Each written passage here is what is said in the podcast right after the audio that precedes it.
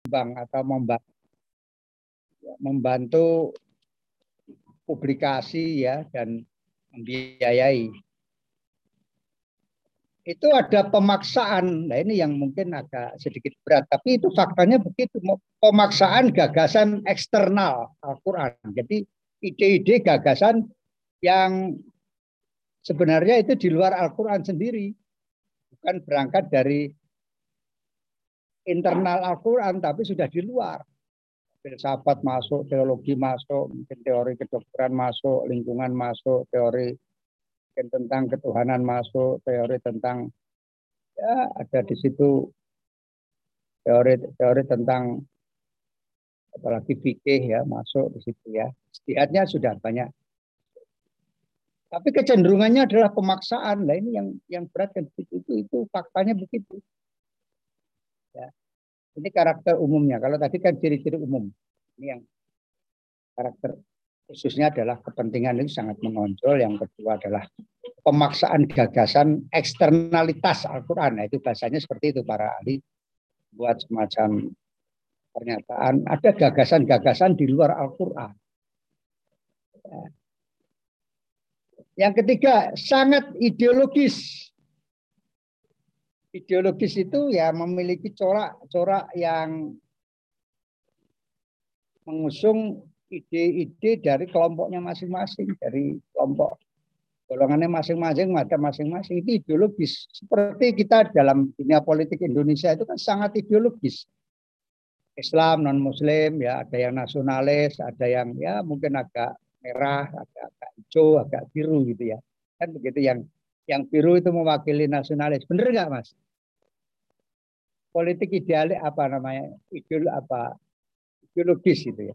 Betul enggak? Benar saya. Itu gitu dalam politik kan. Jadi sudah politisasi hijau itu masih muslim. Nggak mungkin uh, orang muslim pan apa namanya?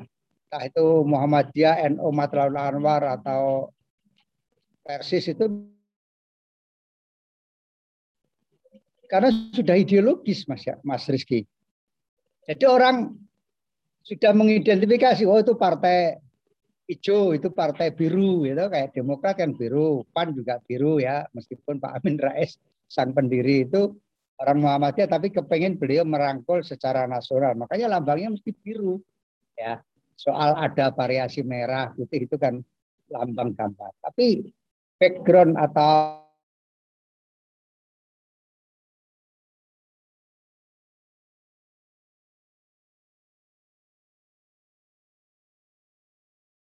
Oh, kalau tafsir ya nanti di dalamnya ketika menafsirkan ayat-ayat itu baru kelihatan. Ya, itu yang ketiga ideologis. Yang keempat adalah uh, repetitif. Repetitif itu sudah. Nah ini sudah berdasarkan mushafi. Mushaf Usmani maksudnya utuh berdasarkan urutan mushaf itu namanya repetitif. Urut begitu mulai dari Al-Fatihah, Al-Baqarah ya, Ali Imran, Anisa, Al-Ma'idah, Al-A'raf, dan sebagainya. Ya, urut. Kalau dulu kan tidak, hanya cuplik-cuplik ayat tertentu sembarangan, asal ada kasus kemudian disikapi ayatnya ditafsirkan. Belum muncul mushaf. Sebenarnya tafsir Ibnu Abbas sendiri itu tidak tidak memunculkan tafsir mushafi. Itu kan belakangan saja ditulis oleh para pengikutnya dikumpulkan. Nah, nanti kalau ingin tahu bagaimana sejarah tafsirnya Ibnu Abbas itu sehingga mampu bisa kita baca, kita bisa terpelihara, bisa diterbitkan, itu ada di sini sebenarnya, maaf ada di sini. Panjang urusannya. Itu di halaman eh, berapa itu? Mulai sekitar halaman 80 80 sampai ya 120-an gitu. Sampai 125. Itu bicara satu tafsir Ibnu Abbas. Jadi kalau kita nggak baca, memang ya istilahnya sepotong-sepotong saja. Terkait dengan tafsir bil maksur. Nah ini, judulnya ini.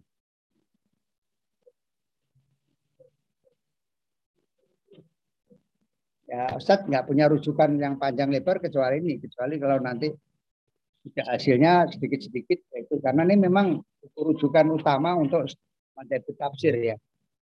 Kalau nanti misalnya baca-baca ini kan ini punya Ustadz Yusuf yang dulu yang pertama itu. Ini isinya ya. Isi mufasirnya ada di sini tapi ya hanya sebatas deskripsi lah ya tentang profil, tentang karakter, metode, corak, dan contoh-contohnya ada di sini. Kecil, mau, mau kita sempurnakan. Tapi kalau bicara masalah tafsir bil maksur, ya yang dijadikan ya dengan berbagai pandangan pro kontranya sampai pada pengumpulannya ya itu segini nih ini ah, ini sampai berapa ini? Halaman 77 sampai 125. Jadi sekitar hampir 80 halaman. Ini kan tidak mungkin mau dibaca satu-satu kan tidak mungkin. Masing-masing harus membaca gitu. Carilah PDF-nya kalau tidak ketemu bukunya. Ya ini buku repro. Pak Yusuf tuh punya di kampus. Nggak tahu masih ada apa enggak di kampus. Kalau ini sudah repro, kalau yang di kampus itu agak panjang, lebar gitu dan berat. Bukunya putih. Kalau ini kan sudah warna agak kuningan karena yang book paper. Ya, akhirnya harus beli lagi karena di kampus kadang-kadang mana juga lupa ya. Ini eh, itu mulai dari bahasan tentang Israeliat dan tafsir. Bagaimana Israeliat itu menjadi salah satu bagian tafsir yang uh, mempengaruhi tafsir bil maksur yang kategorinya adalah tafsir Ibnu Abbas yang banyak menggunakan syair Arab ya kemudian nanti bagaimana riwayat-riwayat di dalam tafsir itu ber, bersinggungan dengan bersinggungan dengan uh, cerita Israeliat ya. Kemudian nanti pada masa berikutnya baru tafsir atau bari karena tafsir atau bari itu didahului oleh tafsir Ibnu Abbas, Al Farok dan uh, Muqatil bin Sulaiman. Nah, ini kan perjalanannya panjang. Kita ambil contoh-contoh ini karena memang yang terkenal itu Muqatil bin Sulaiman. Saya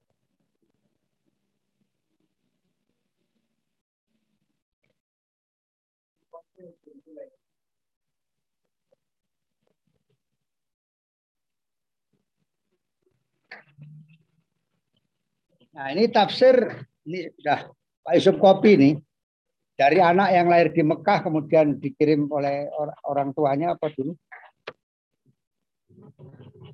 Nah. Mukotil, Anda mungkin baru pernah dengar atau mungkin ragu-ragu ya. Ini tafsir Mukotil bin Sulaiman. Ya, tahunya kan Ibnu Abbas ya, al aja mungkin juga masih terngiang-ngiang. Mas Tamam ini tafsir Mukotil bin Sulaiman ada empat jilid. Nah, judulnya aja ini.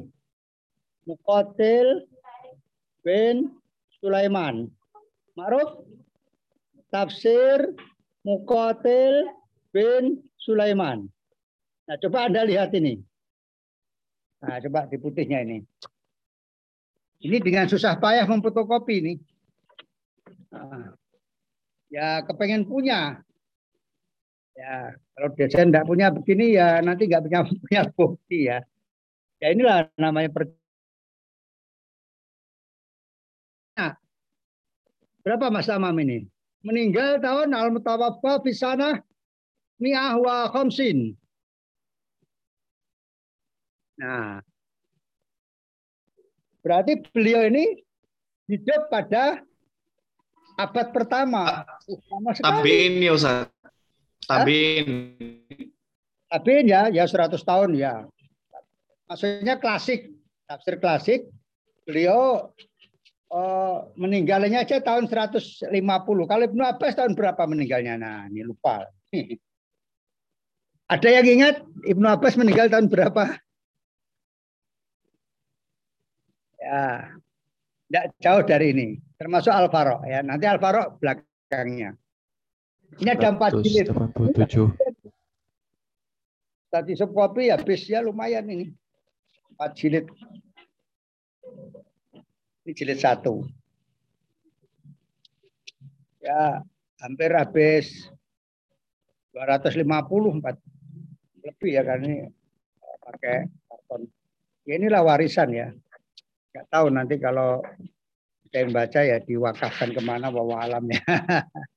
ya doakan bisa wakaf ke UTM ya. Amin. Iya, Amin. Amin.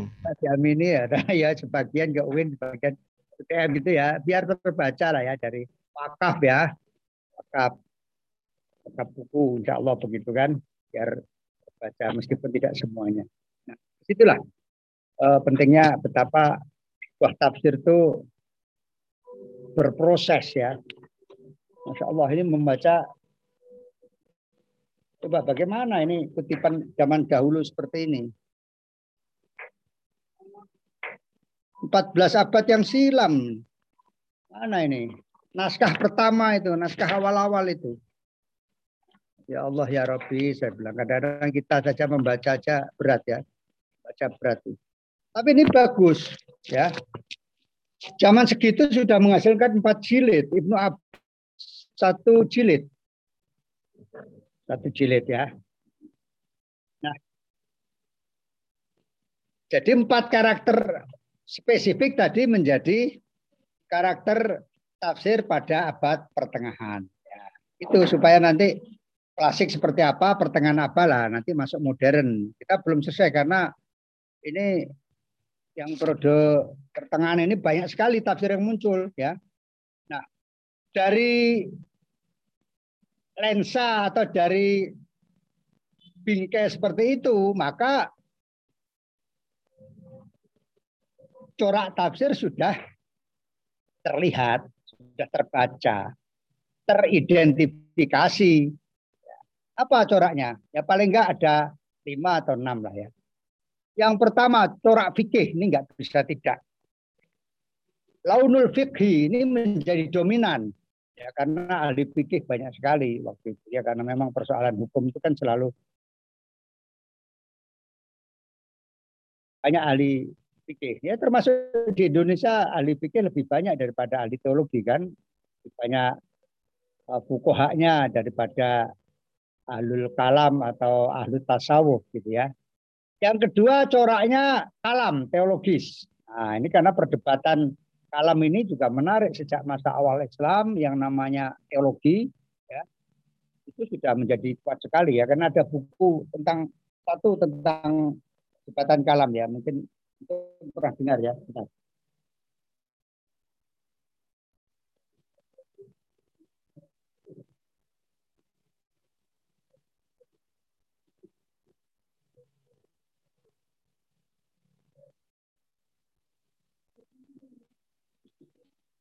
Anda pernah uh, kenal karya apa yang paling terkenal ya dalam sebuah kitab yang bicara tentang aliran-aliran dalam ilmu kalam, teologi. Apa yang Anda kenal? Al-Munkit mungkin tad. Al-Munkit Minadolal. Ya Ustaz, Imam Al-Ghazali. Itu perdebatan seputar filsafat. Oh ya. Katanya filsafat kalau itu Al-Munkit Minadolal itu kan Ibnu Al-Ghazali dengan Ibnu Rus ya.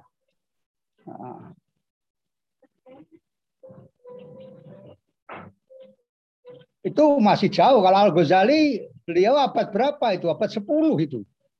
Iya. Kan beliau meninggal apa uh, 1111 kan?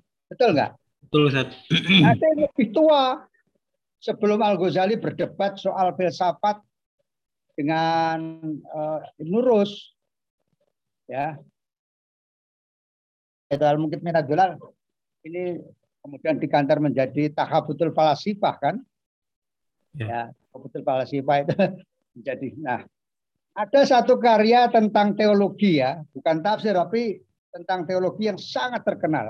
Antum mesti tahu. Kalau nggak tahu ya saya kasih tahu namanya Asyah Rastani pernah dengar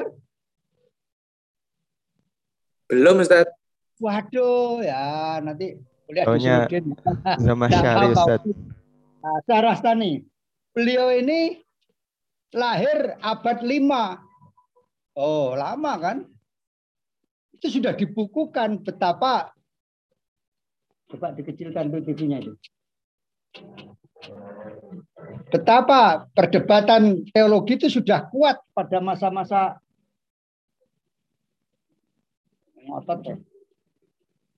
Abad 5 itu beliau sudah lahir. Beliau meninggal pertengahan abad 6. Berarti umurnya ya sekitar 82 ya cukup tua lah ya. Nah, beliau memberikan nama kitabnya, nah, kalau sudah disebut sulut gini. Sampai sekarang, kalau belajar ilmu kalam harus pegang buku itu. Apa buku judulnya? Ya, mungkin pernah dengar ya, cuman nggak nggak ya. Al Milal wan Nihal Fahim? Pernah, pernah, pernah. Pernah ya? Ini terjemahnya. Nah. Anggap aja nggak dengar suara kenal pot masuk. Ya kampung tapi di kampungan ini nggak ada kak. Kampung dan kampungan di sini kan masih banyak. Ya, banyak geber-geber motor di pinggir jalan itu.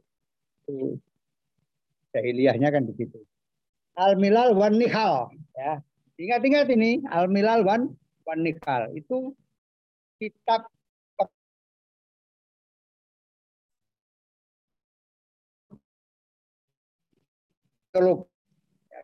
dalam sejarah dan itu menjadi warna bagi tafsir mufasir-mufasir pada masa berikutnya. Ya.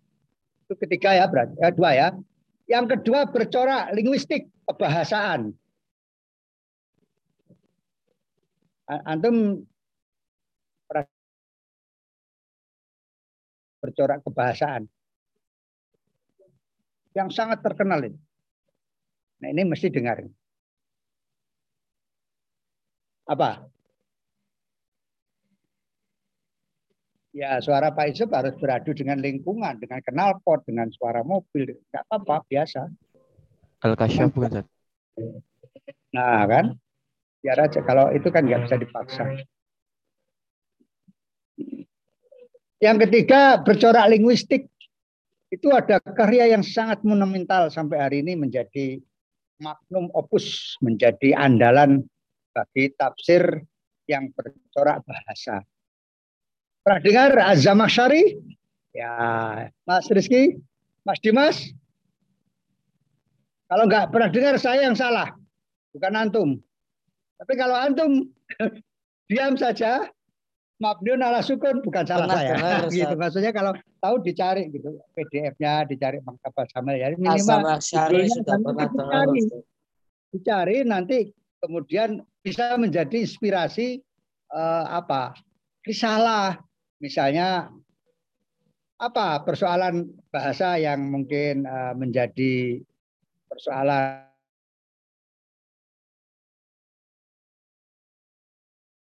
misalnya masalah uh, ya apa ya kalau bahasa itu kan banyak sekali ya etnap misalnya. Ya atau wasel al faslu wal waslu ya. Atau lam taukid ya atau taukid di dalam ah, surat al humazah misalnya kan begitu. Atau surat al a'la dalam tafsir Al-Jamasari atau tafsir Jamasari tafsir apa? Mas Eger. Apa Mas Eger? Mas Miftah. Luset masih Tafsirnya Azamasari. Al-Kasyaf, Ustaz. Nah, Al-Kasyaf ya. Al-Kasyaf. Bukan Al-Kasab ya. Al-Kasab itu amplas saja itu. Al-Kasab itu amplas itu. Tapi kalau al-kasyaf itu adalah mengungkap gitu ya. Ahli mengungkap mengungkap apa? Makna bahasa gitu Mas Asmi ya. Mas Rosan ya tolong bisa lebih partisipatif ya. Itu luar biasa itu tafsir itu. Ya. Rasa-rasanya kalau kepingin banyak mengetahui tentang bagaimana tafsir Al-Kasab itu ditulis oleh Azam Asari itu waduh luar biasa. Itu pendekatan bahasanya luar biasa. Zaman segitu ya. Nanti ada di ya Masari itu lahir tahun berapa ya? Kalau lahirnya Ustaz nggak hafal ya. Nah, tapi ada lah ya Sari coba saya coba suka ya. Ada ini di sini ada punya Yati ini.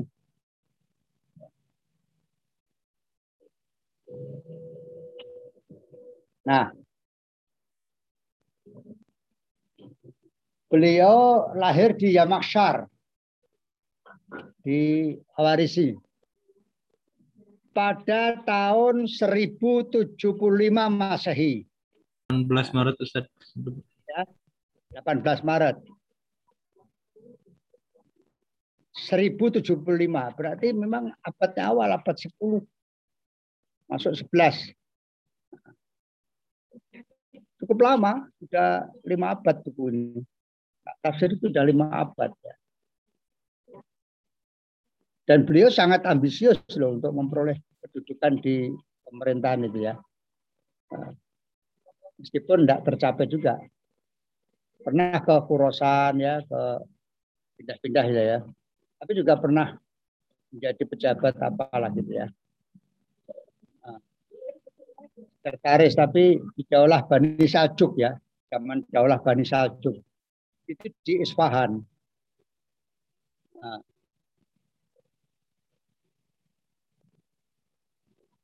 dan beliau ini madhabnya Mu'tazilah. Nah, mungkin Mu'tazilah waktu itu sedang nggak disukai pemerintahan, maka beliau sulit sekali ingin menjabat di pemerintahan karena madhabnya Mu'ta, Mu'tazilah. Sehingga meskipun dia seorang ahli bahasa, ahli sastra, tidak dimasukkan dalam jajaran orang penting dalam pemerintahan. Meskipun dia pengen sekali untuk bisa ke Baghdad ya, bisa ke mana-mana yang namanya pejabat itu kadang-kadang kan jalan-jalannya itu penting gitu ya. Jalan-jalannya itu penting untuk menambah perbendaraan perjalanan hidup. Kalam linguistik. Nah, keempat falsafi berbau filsafat. Kira-kira siapa tokoh ahli filsafat? Imam Al-Ghazali Ustaz. Oh, jangan bicara Ghazali dulu. Al-Ghazali bukan ahli tafsir, ini bicara tafsir. bicara tafsir. Al-Ghazali tidak punya kitab tafsir khusus kecuali hanya kecil-kecil saja. Nah, siapa? Ada itu. Mungkin dia Ustaz Farabi. Farabi bukan seorang mufasir. Yang mufasir. Ada itu. Siapa? oh ya gitu nanti. Ibnu Rushd. Imam Fahrudin Ar-Razi. Wah, itu udah Wih, pasti itu. betul. Nah, Pak Safi ya. Lupa itu terkenal itu Ar-Razi. Ada yang namanya Ar-Razi kan. Ya, tafsir Al-Kabir atau Mafatihul Waib. Bener nggak Mas Rifan? Ya betul lah, itu memang sejarah. Ustaz. Wah, itu tafsirnya Masya Allah. Atunya wa mafiha. Al-Fatihah aja satu jilid besar itu. Membaca Al-Fatihah ya. Ya kritik banyak tapi beliau sudah berbuat ya. Soal ada kekurangannya pasti ya. Nah, di situlah nanti kita akan tahu mungkin setelah satu dua ke depan ini kita akan mencoba mengulas satu-satu tapi terus terang ya harus dibaca sendiri gitu ya karena banyak sekali buku itu ya. Buku itu banyak sekali ya. Nah belum lagi nanti bicara masalah pandangan-pandangan tentang Al-Quran ya. Seperti ini misalnya kitab ini masya Allah itu. Ini juga termasuk tokoh penting ya agak kontroversi Ibnu Warok Ini judulnya The Origin of the Quran oleh Ibnu Warok. Wah ini tokoh kontroversi nih di bidang penafsiran Al-Quran ini. Masya Allah ini. Orang Islam tapi kritis banget ya. Kritis banget ya. Ya Ya, dia teman-temannya orientalis banyak sekali termasuk misalnya Theodor Noldek ya dia sangat dengan Margoliouth dengan Arthur Jeffrey ya dengan banyaklah Andri Ripin. Ini kan tokoh-tokoh orientalis yang agak nyerang Islam itu ya. Nah, beliau termasuk orang yang sangat concern di bidang itu ya. Kontra biasalah dalam studi ini itu ya. Sudah berapa ini? Empat ya. Fikih, kalami, linguistik, terus falsafi, terus sufistik. Nah, orang sufistik. Nah, itu baru nanti Al-Ghazali bisa disebut-sebut meskipun beliau bukan seorang mufasir gitu ya.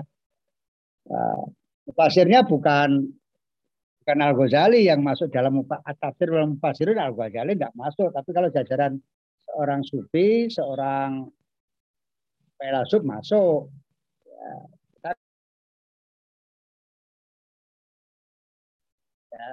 Kemudian mungkin Al-Faidawi masuk mana? Al-Faidawi Al-Alusi ya yang masuk Al-Alusi. Itu tokoh-tokoh tafsir yang mewarnai tafsir atau mewakili representasi dari tafsir sufistik.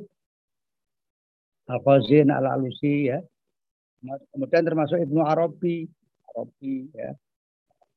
Nah, yang terakhir ini yang datang belakangan. Wah, mereka bicara fikih, bicara bahasa, bicara teologi, bicara tasawuf, bicara filsafat, ada yang belum dibicarakan. Apa itu kira-kira? Apa?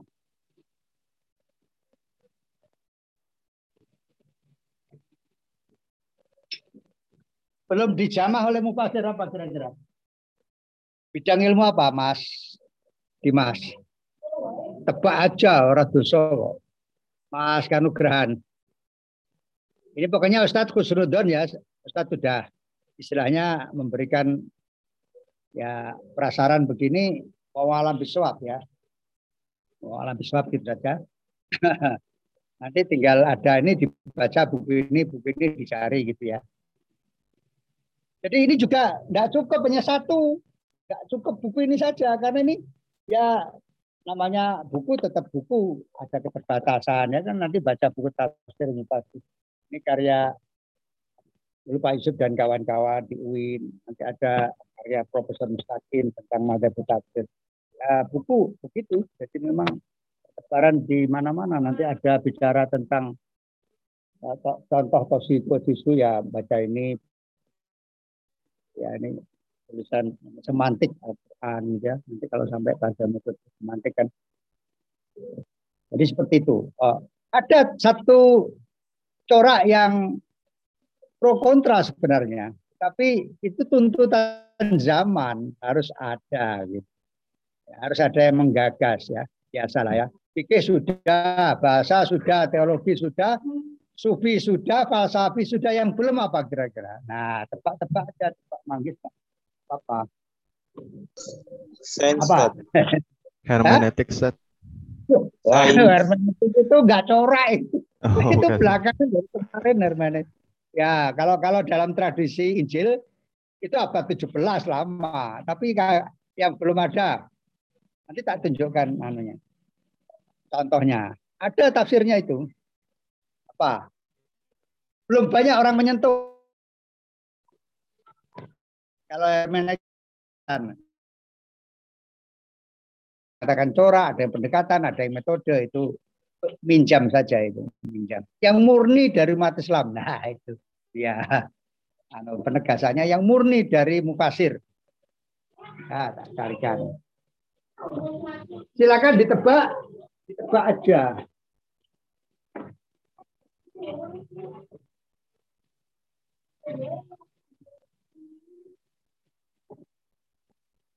Ya untuk mengetahui gitu ya bisa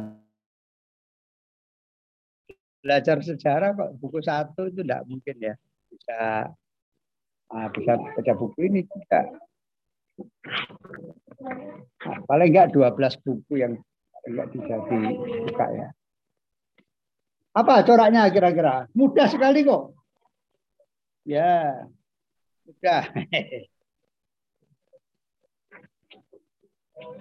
Ya wes tak yang belum terjamah itu tafsir ilmi bercorak ilmi itu corak itu. Ya. Corak. berarti ada enam itu yang dominan dalam masa abad pertengahan itu enam itu. Nah baru nanti yang ilmi itu seperti apa pengembangannya. Yang berubah itu kan nanti pendekatannya kemudian analisisnya begitu. Tapi sekarang sampai hari ini ya tafsir ya fikih bahasa, kalam, teologi, sofistik, ilmu, falsafat, filsafat, ilmi itu sudah umum itu.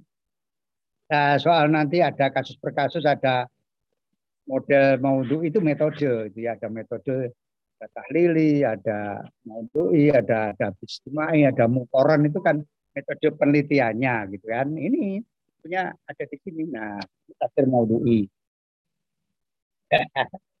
Ketika tafsir Mudui ganti buku, memang penulisnya banyak. Cara tafsir kecil ya ini. Ya, itu memang beratnya kalau daring itu begitu. Waduh harus mencari. Nah, memang tugasnya tolip, namanya tolip itu mencari.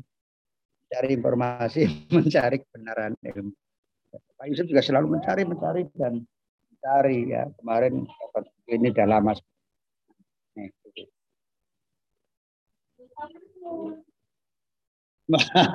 Ada Al-Quran abad 21. Ada Quran abad 21. Ah, Mas Miftah ya. Mas Miftah kemarin ada ya Mas Miftah. Ada pesan buku ya kayaknya ya. Pesan buku Ustaz. Oh sudah Alhamdulillah ya. Iya, Dibaca loh ya, jangan cuma untuk bantal ya. Maaf.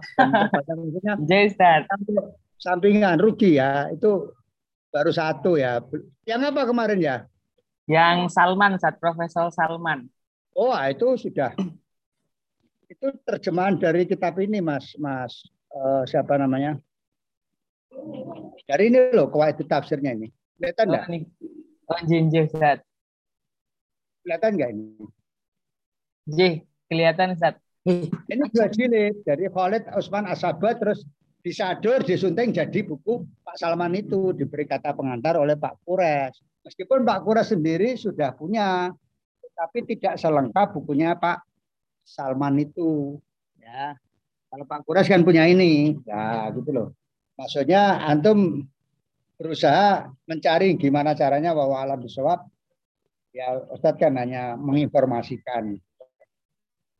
Ini yang punya Pak Kures tapi tidak sedetail yang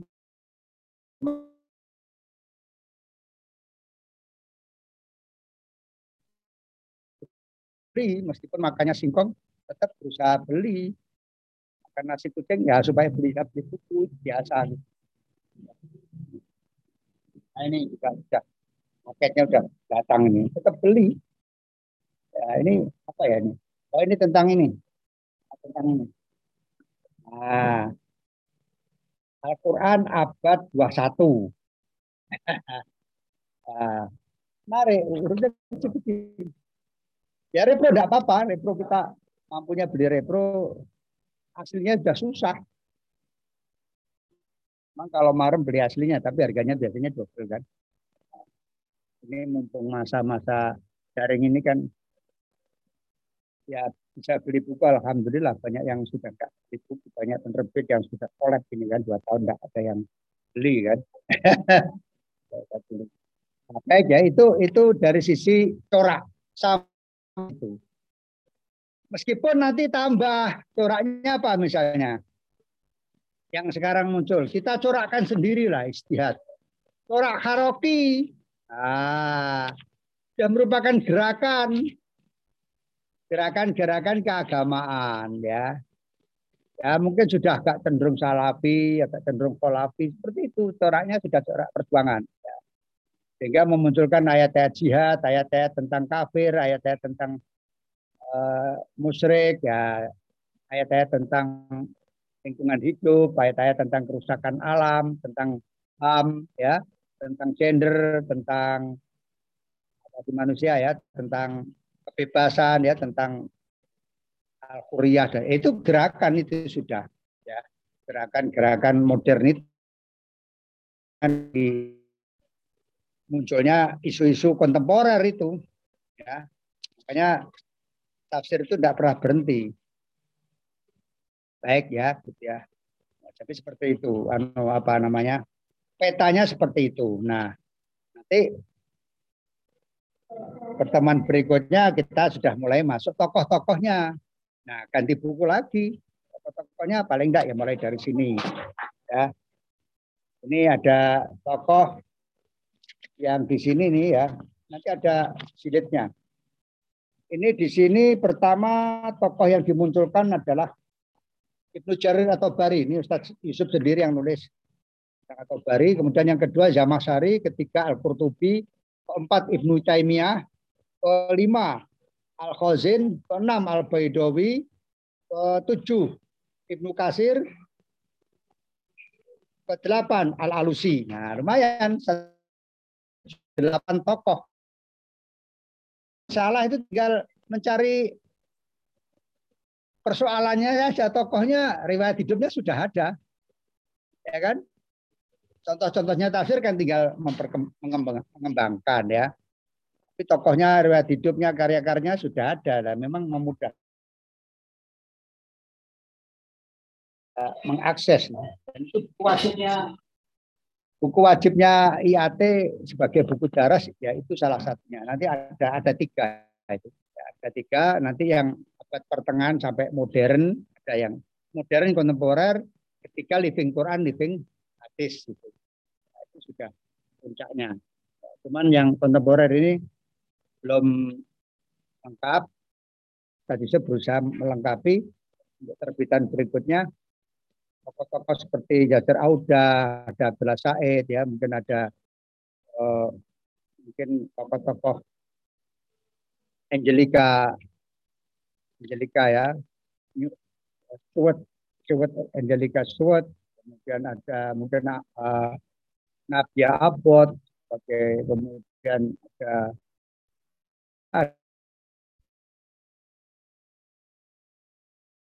gender ya bagian di bidang gender ya. Kajiannya bidang gender. Itu gerakan semua. Soal nanti ada unsur politis itu biasa lah. Mana ada tulisan yang murni ya jarang ya. Ya tapi nah nanti kalau bicara tadi kan bicara tafsir klasik atau bari ya masa-masa awal tapi nanti ada bagaimana sebenarnya tafsir dalam perspektif teologi rasional ini teologi itu rasional. Arozi itu seperti apa? Itu perbincangannya ada di sini. Panjang ya, nggak mungkin dibaca semalam aja mungkin ya selesai. Wah, ini luar biasa. mereka ini. Jadi bagaimana isu-isu teologi dalam tafsir itu penting. Hanya salah satu dari karya yang terbaik dalam sejarah itu ya karyanya Ar-Razi. Pak Hussein Ar-Razi, tafsir Al-Kabir atau tafsir uh, Al-Kabir atau tafsir Mafatih Bulgoyet itu.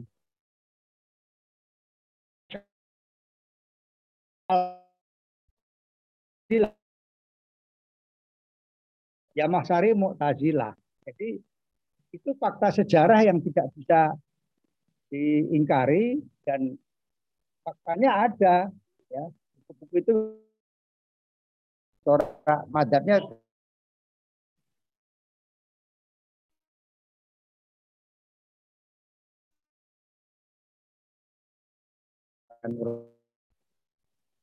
silakan kalau ada yang ingin menambahi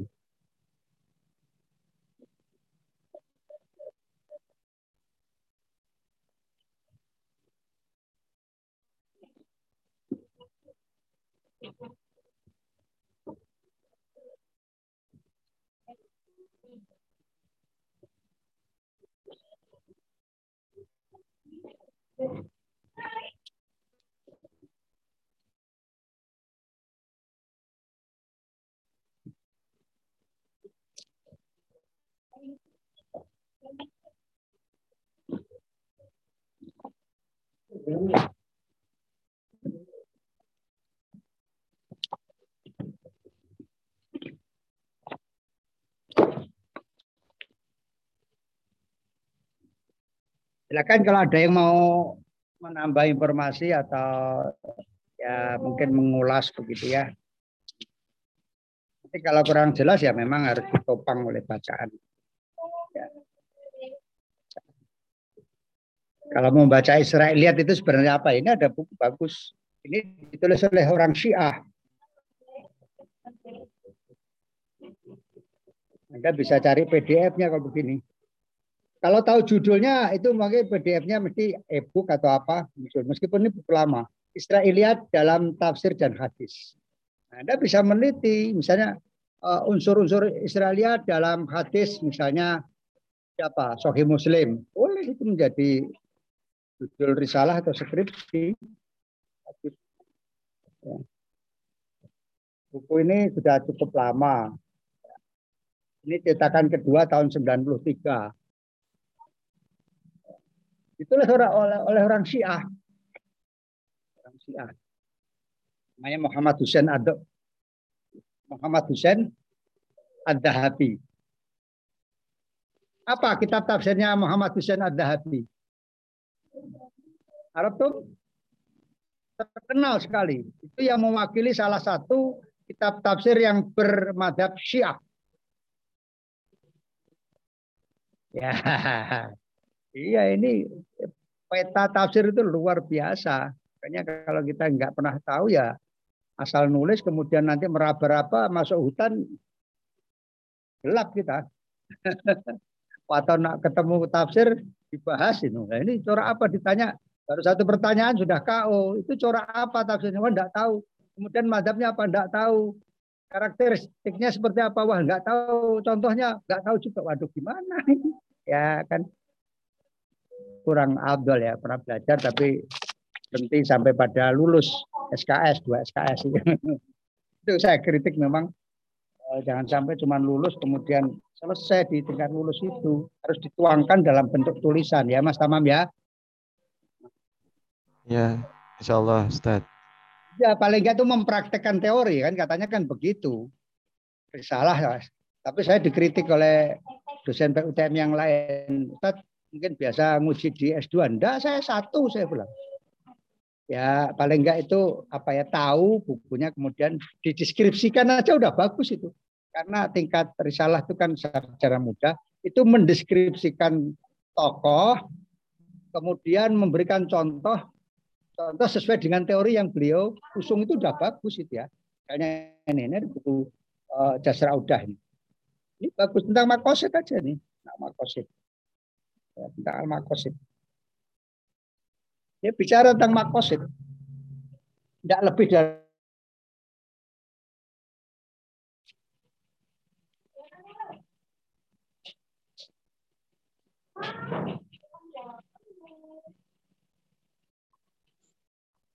Jadi bagaimana makosid Al-Quran itu yang dicari semua orang kan makosid ya. Nah, seperti ini. Ini ada kaitannya dengan ini. Cuman ini ditulis oleh ya dasar Auda lebih khusus di bidang hukum ini, makosid. Nah, ini. Pak Amin Abdullah ini yang memberi kata pengantar ini Pak Amin Abdullah. Makosid. Ya. Jadi banyak memang ini saya beli di online ini, buku-buku. Wah, ini harus ada informasi buku-buku lain lah ya. Saya browsing lah, jalan beli aja. Mau dari mana pokoknya saya beli sah gitu ya. Wah, kalau mikir-mikir ini tulis apa, waduh, nggak jadi beli buku nanti. Ya, mumpung masih kuat beli. Jadi sah itu ya. Honornya untuk sebagian untuk beli buku itu sah. Bukan untuk dinikmati sendiri. Jadi seperti itu ada ya. Nah, baik. Nah. Kemudian dari sinilah kemudian muncul kategorisasi madhab tafsir. Setelah melihat peta dunia tafsir seperti itu mulai dari klasik sampai abad pertengahan, kemudian Golger membuat semacam kategori ya tentunya dengan kritis gitu ya. Nanti selain Golcher juga Golcher itu maksudnya tadi ya eh, ada itu tafsir tadi ya.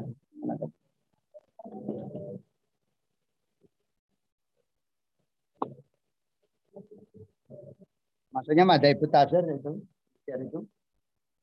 Kemudian bukan hanya beliau tapi juga ada Johnson. Johnson itu seorang ahli juga di bidang tafsir membuat kategori. Muhammad Hussein Ad-Dahabi juga membuat kategori untuk perbandingan termasuk Aminah Wadud. Ya. Karena beliau mengupayakan memperjuangkan kategori tafsir gerakan yaitu feminisme. Nah, kalau dia membuat kan berarti ada kepentingan supaya ideologi tentang feminisme masuk. Ya kalau Ignas Golcer kan belum belum ada waktu itu. Kemudian Johnson juga belum ada, Usain Adapi belum ada. Nah, dia tampil membuat kategori sendiri. Boleh sebagai seorang uh, tafsir tafsir kontemporer ya, tafsir kontemporer ya. Dia uh, mencoba untuk membuat kategori sendiri. Jadi apa persoalan tafsir ini sangat dinamis, sangat hidup dan sangat apa ya? Oke lah Ustadz kalau mengawal Anda itu nanti ya melaluinya melalui proposal. Lewat judul akhir-akhir pertemuan satu dua itu apa judul yang kira-kira di bukan bukan menemukan judul ya itu kelirunya kan saya belum menemukan judul itu jawaban orang yang tidak pernah kuliah. Nah, judulnya susah itu. Kok judul yang dicari? Ya Allah ya Rabbi. Kamu kuliah saya bilang 10 semester kok cari judul. Judul itu muncul sendiri mudah itu. Yang dicari itu adalah problem akademik. Nah, supaya Anda tidak diketahui orang nanti ya. Ini jauh-jauh sebelumnya mencari persoalan akademik dari mana? Dari membaca, dari telah pustaka, dari penelitian-penelitian terdahulu. Itulah pentingnya telah pustaka supaya kita ikut memberikan kontribusi untuk apa? Mencari atau mengkaji masalah kita carikan solusinya itu namanya akademik kan begitu. Kalau judul banyak Al-Quran itu isinya judul semua, ya toh. Alif sampai ya itu isinya judul. Bener nggak Mas? Bener ya Mas ya? Benar. Alif sampai ya itu judul. Coba ditulis. Alif lam dalam Al-Quran. Wah itu sampai kiamat nggak selesai. Wawu dalam Al-Quran nggak selesai satu abad itu. Lam tarif dalam Al-Quran nggak selesai itu satu keturunan. ini ini saya saya Jalan terakhir saya tegaskan aja ya. Kita bahas misalnya nakiro dalam Al-Quran nggak selesai sampai buyut itu. ya mas, benar nggak mas ya? Iya itu judul kalau judul gitu. Ah, jadi pendekatannya linguistik boleh, nggak ada masalah. Kekuatan kita kan ya yang berasal dari pesantren-pesantren agak klasik atau salafi kan kuat itu di bidang bahasa ya dikembangkan dong bahasanya. Tafsirnya ya Mas Sari, Al-Faro ya, Sulaiman bin Muqatil dan Ibnu Abbas. Sudah tafsir yang, yang senang di bidang teologi ya. Ambil aja tafsir Ar-Razi. Nanti hanya masalah misalnya ayat-ayat mutasyabihat selesai. Ayat mutasyabihat dalam surat apa? Gitu dibatasi. Selesai itu. Itu mesti ada problem. Masalah penafsiran tangan Tuhan arus Tuhan ya. Tangan Tuhan arus Tuhan terus apa lagi? Yang sering muncul kan itu ya. Itu kan teologi semua. Kemudian masalah teologi dosa besar dalam menurut pandangan atau Bai ya sudah selesai. Terus dibandingkan dengan siapa misalnya yang agak mutaji? Oh dengan Arozi oh boleh nggak masalah. Itu misalnya kontroversi antara Syiah dan Sunni dalam persoalan dosa besar. Waduh bagus banget. Ya kalau judul begitu juga bagus ya. Nggak usah terlalu ada problem akademik yang rumit. Pasti ada masalah. Begitu ya. Ini dianggap cerita doang, tapi ini bagian ya. Ini cara mengangkat persoalan begitu. Nah, kemarin setelah saya cari kok kurang menarik. Loh, kamu membandingkan itu menariknya apa diganti di tengah jalan. Terus tanya, ini masa lalu aja ya, ini kritik. Terus yang bagus, tafsir apa Ustaz? Waduh, semuanya bagus. semuanya bagus. Yang nggak bagus itu asal ketemu itu yang nggak bagus. ya, ya maksud saya itu ilmu satu semester ini biasa sendiri kemudian dikembangkan sambil membaca gitu ya. Ya kalau saya disuruh nyari tafsir ya ketemu tapi yang bahas kan antum semua ya yang yang garap antum semua jangan ditanya dosennya ya pasti dosennya jawab oh ya terserah yang mana yang kira-kira mampu gitu. Nanti ditunjuk bukunya kita nggak ketemu ya susah nanti kasihan kan kita dari pertimbangan-pertimbangan rasional ya. Makanya kalau nanti sudah luring ya Muhammadiyah berani luring bulan depan ya, Win ini akan coba bulan depan.